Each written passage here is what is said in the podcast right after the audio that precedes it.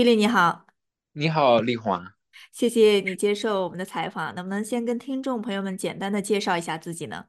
大家好，我叫 Billy，然后我是来自中国辽宁大连，然后在澳洲有八年多了。前三年在墨尔本，我现在是在塔州霍巴特过来是留学的，然后在 RMIT 读时尚管理这个课程，在国内的呃鲁迅美术学院沈阳校区，然后我读的专业是纺织品艺术设计。你从小就喜欢绘画吗？我看你在朋友圈发的墙绘哈，特别有意嗯。思，而且很多挺生动的。对，我是从小就很喜欢绘画，六岁的时候就开始学习美术，然后当时是每周六、每每周末我都去那个美术学校，就是去上课学习，然后一直延续到现在。每次都会 enjoy 这个绘画的东西，就是每次嗯画东西，或者是上美术馆参观一些那个大师的作品，这个过。程都会都是一个趣味性的东西，对于我来讲。因为我妹妹也学绘画嘛，我其实觉得就是有的嗯。时候你会花大量的时间，其实在这个过程当中，我嗯。觉得哈，就是我作为旁观者来看，也许嗯。它会是一种比较枯燥的这样的一个过程哈。虽然说结果嗯。呈现出来是一种非常给人嗯美的享受哈，非常嗯漂亮的，或者是可爱的，或者嗯是非常震撼的这种作品，你觉得嗯，呢？对，有印象当中，就比如说我从小学的时候，一到三年级，当时学美术的时候，那时候学，因为我我为什么喜欢美术呢？是我对色彩非常敏感，因为我对嗯彩色的事物特别有呃好奇心和有那个兴趣。小学四年级的时候，在我那个年代哈，就是小学四年级的时候，我们要接触素描的这个课程，所以在接触这个素描的时候，其实那几年其实是挺枯燥的，因为怎么样把这个立方体啊，把这个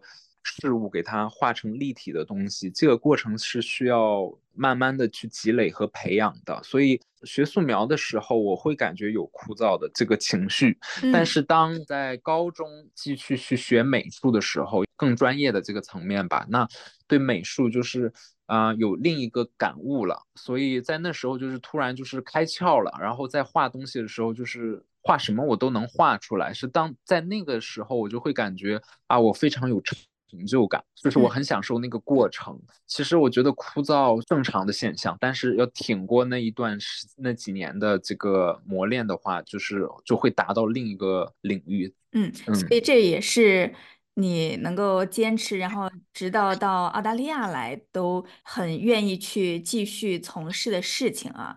然后你来到。澳大利亚之后呢，你现在专门做这个墙绘，嗯，能不能跟我们嗯，分享一下这段经历？怎么样开始接触到墙绘的呢？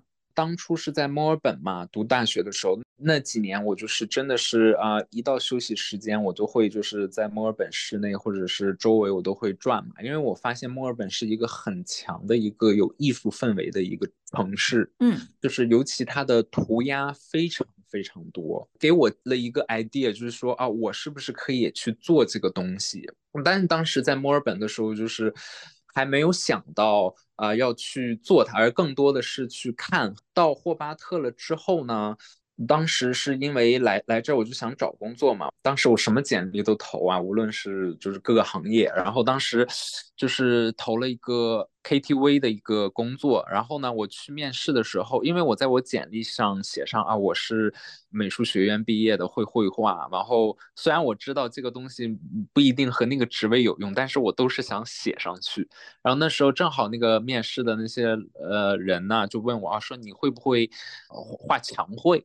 然后我就说我会呀、啊，但实质上我其实我想说的是，我内心想嗯我没有画过，因为墙绘是一个大幅的作品，它不是一个啊，在一个画画纸上画东西，所以当时我就想说，哎，不管怎么样，我都要试一下。但是但是我觉得我能画出来，完了最后就是有这么个机会之后。第一幅墙绘做完之后，就之后的机会就会越来越多。墨尔本给我很强的一个这个信念，去 做这些墙绘的东西。对，嗯嗯，所以那个就 是你的处女座，你的墙绘的处，女座。对，但是真的是很开心。就是我想跟听者说，当你自己有一个喜欢的东西，无论你就是你一定要想办想尽办法去征求一个机会，那你一定会去征求到的。当时还记得画的是什么吗？比较抽象的一个夜晚的一个景观，然后呢是呃顶上有一些那个 KTV 的他们的一些那个 business 的 logo 然后故事在里头。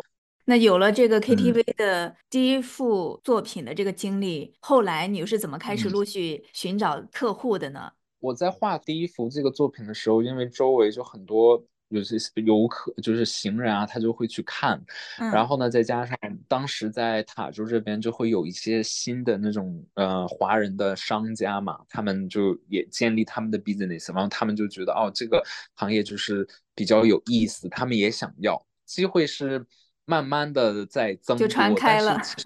对，墙绘做了多久了？从一九年到现在大概四年左右吧。那能不能跟大家普及一下这种什么是墙绘呢？刚刚你提到墙绘和涂鸦，它是两个完全不同的概念吗？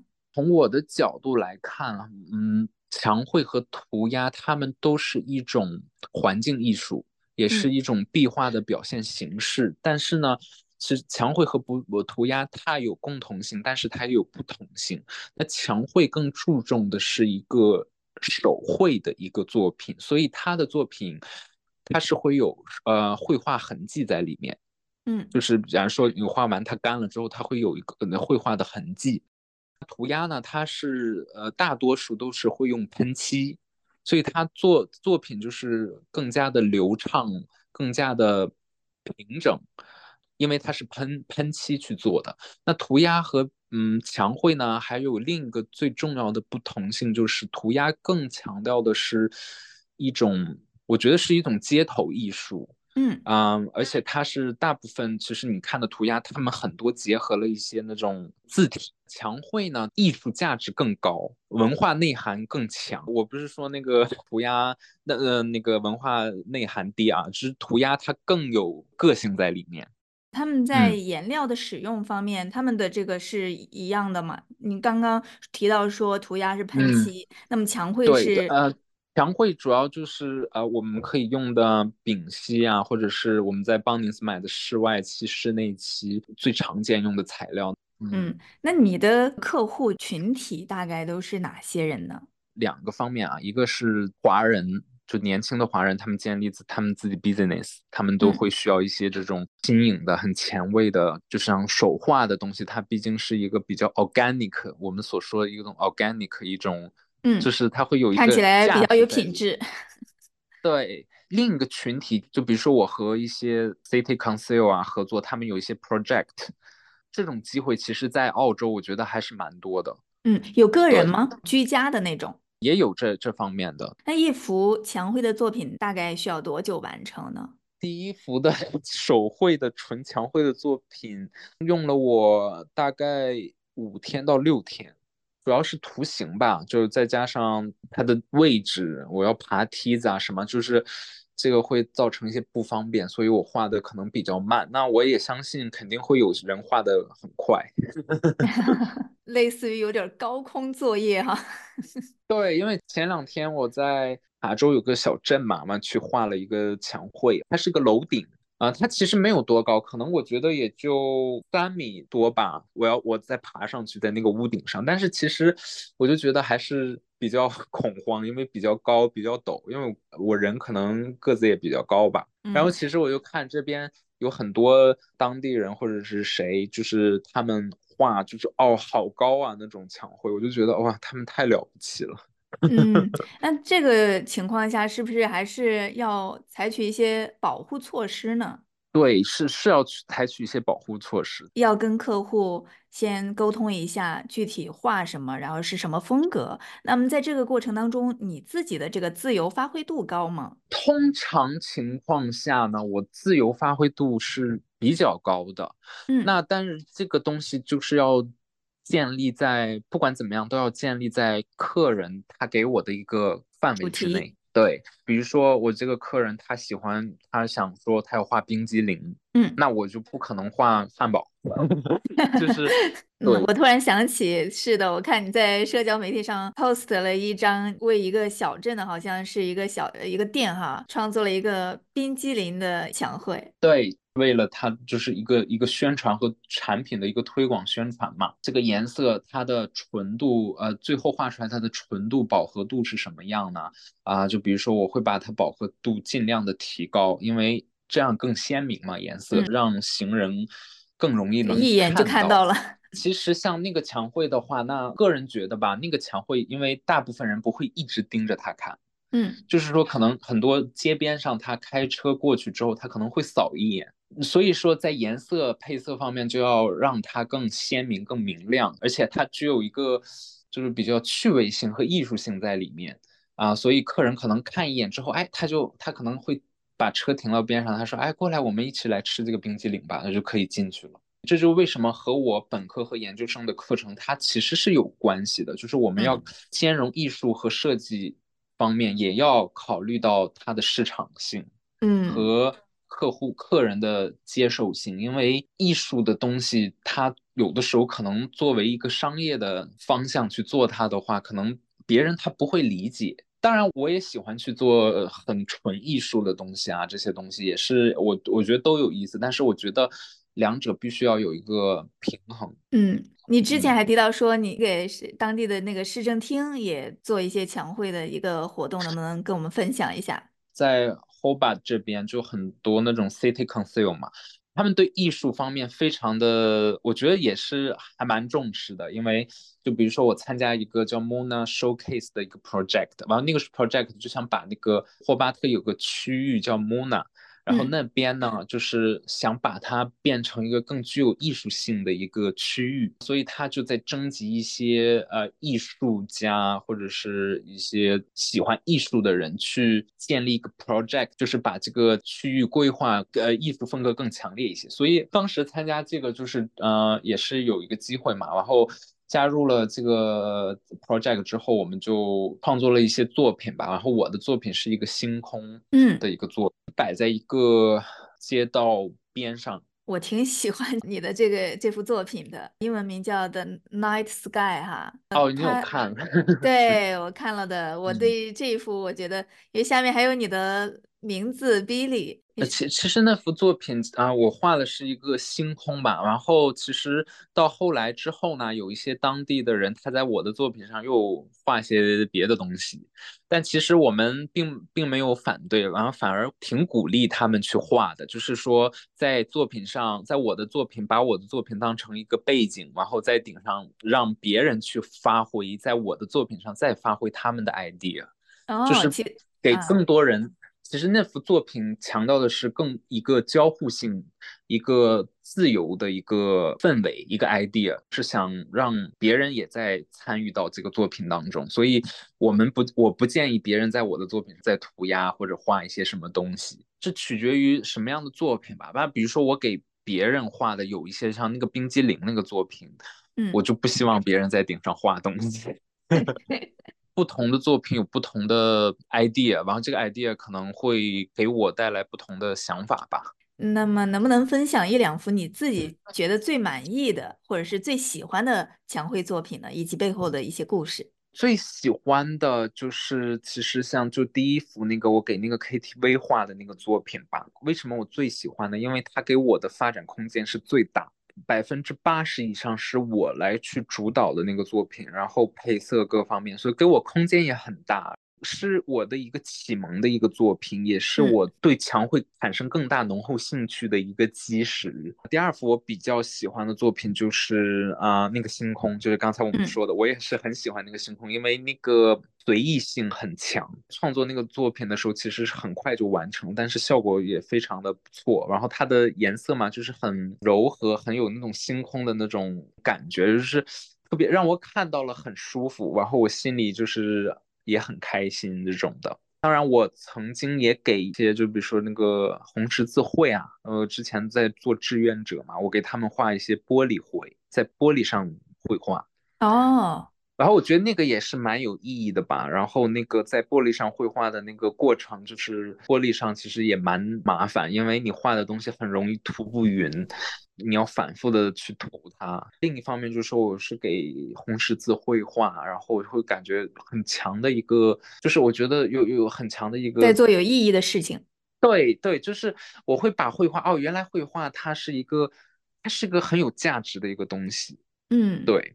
然后我还注意到你有一幅作品叫《白天与黑夜》，是吧？Day and Night。那一幅作品是我和一个朋友一起合作去参加一个比赛，然后当时是去年的有个塔州的一个在 Sheffield 那边有一个壁画小镇，然后那一个小镇每年都会举办一次比赛嘛，然后。我抛出一个 idea，完他也抛出一个 idea，创作出来这幅作品。然后这幅作品就是我们分工不同吧。那幅作品其实它的复杂程度和质量都是非常非常高的。主要的内容就是关于塔斯马尼亚的风景，呃，还有一些动植物，还有在塔州经常能看到那些那个极光。到目前为止，你在澳大利亚看到的这个墙绘，让你震撼的作品有没有呢？非常非常多，大很巨型的那种。那我在想说，哇，这边人怎么，呃，就是他们是怎么做到这么大？完，他们不会恐高，然后又画的这么厉害，又很快。举个例子吧，在墨尔本靠近那个 Thousand Cross Station，嗯，呃，有个很大的墙绘，是个老爷爷，老人。我每次经过那，我都会看他，然后就是，哦，他居然会把这个人的。脸部的褶皱啊，或者整个比例画的都非常到位，而且它很大，嗯，而且它很完整。那么你觉得墙绘让你是不是在这边就是有有哪些感受和收获呢？你在这个过程当中是不是有没有交到一些跟你志同道合的，或者是因为墙绘然后结识更多朋友呢？有啊有啊，我觉得每一幅墙绘作品都会让我去进步与成长。星空的那个作品，因为当时那个星空作品，我们有一个人他是在他是从英国移民过来的英国人，然后呢他。就是做墙绘的东西，然后他做的就非常非常非常好。我们在做的过程当中，他会给我们一些指导，告诉我们一些建议，会让我们我们会从他当中学选取一些很多经验。墙绘它不仅仅是一个商业的东西，也不仅仅是一个艺术的东西，更多的是一个文化传承的东西。它传承了一一个时代、一个人、一个价值观在里面。它会让我会有一个满足感，会有一个自信心，会有一个更积极乐观对于生活的一种态度。其实是一种媒介，我通过墙绘来表达我内心世界是什么样，或者是啊，来把它当做一个我与别人去交流的一种媒介物。画墙绘的时候，真的是认识了一些当地的人，然后我也看到了当地。的人对艺术其实是有一个很高的，就非常尊敬、非常敬仰，而且他们觉得艺术是生活当中重要的组成部分之一。澳大利亚的这个自然环境是否给你的墙绘作品带来了一些灵感？对，我觉得这边很多那个氛围特别的自由吧，就是让你施展开。我觉得就是把一些这些东西再结合一些。啊，像我们中国的一些东西在里面，它会出现一些非常有意思的东西。就比如说，我画一些什么澳洲的这些动植物啊，但是我用中国的水墨去表达啊，它会不会就是非常有意思？那未来你希望你在墙绘的艺术道路上有什么样的发展或者是期望呢？我希望在澳洲的每个城市都会留下我的作品，然后希望就做，我希望把它做起来，做到一个一一定的程度。就是因为它是一个环境艺术、环境规划的一个组成部分嘛，然后我觉得需要有一个华人能作为一个代表去做出来这些东西，慢慢来。嗯，谢谢谢谢 Billy 的分享，也感谢你采访我。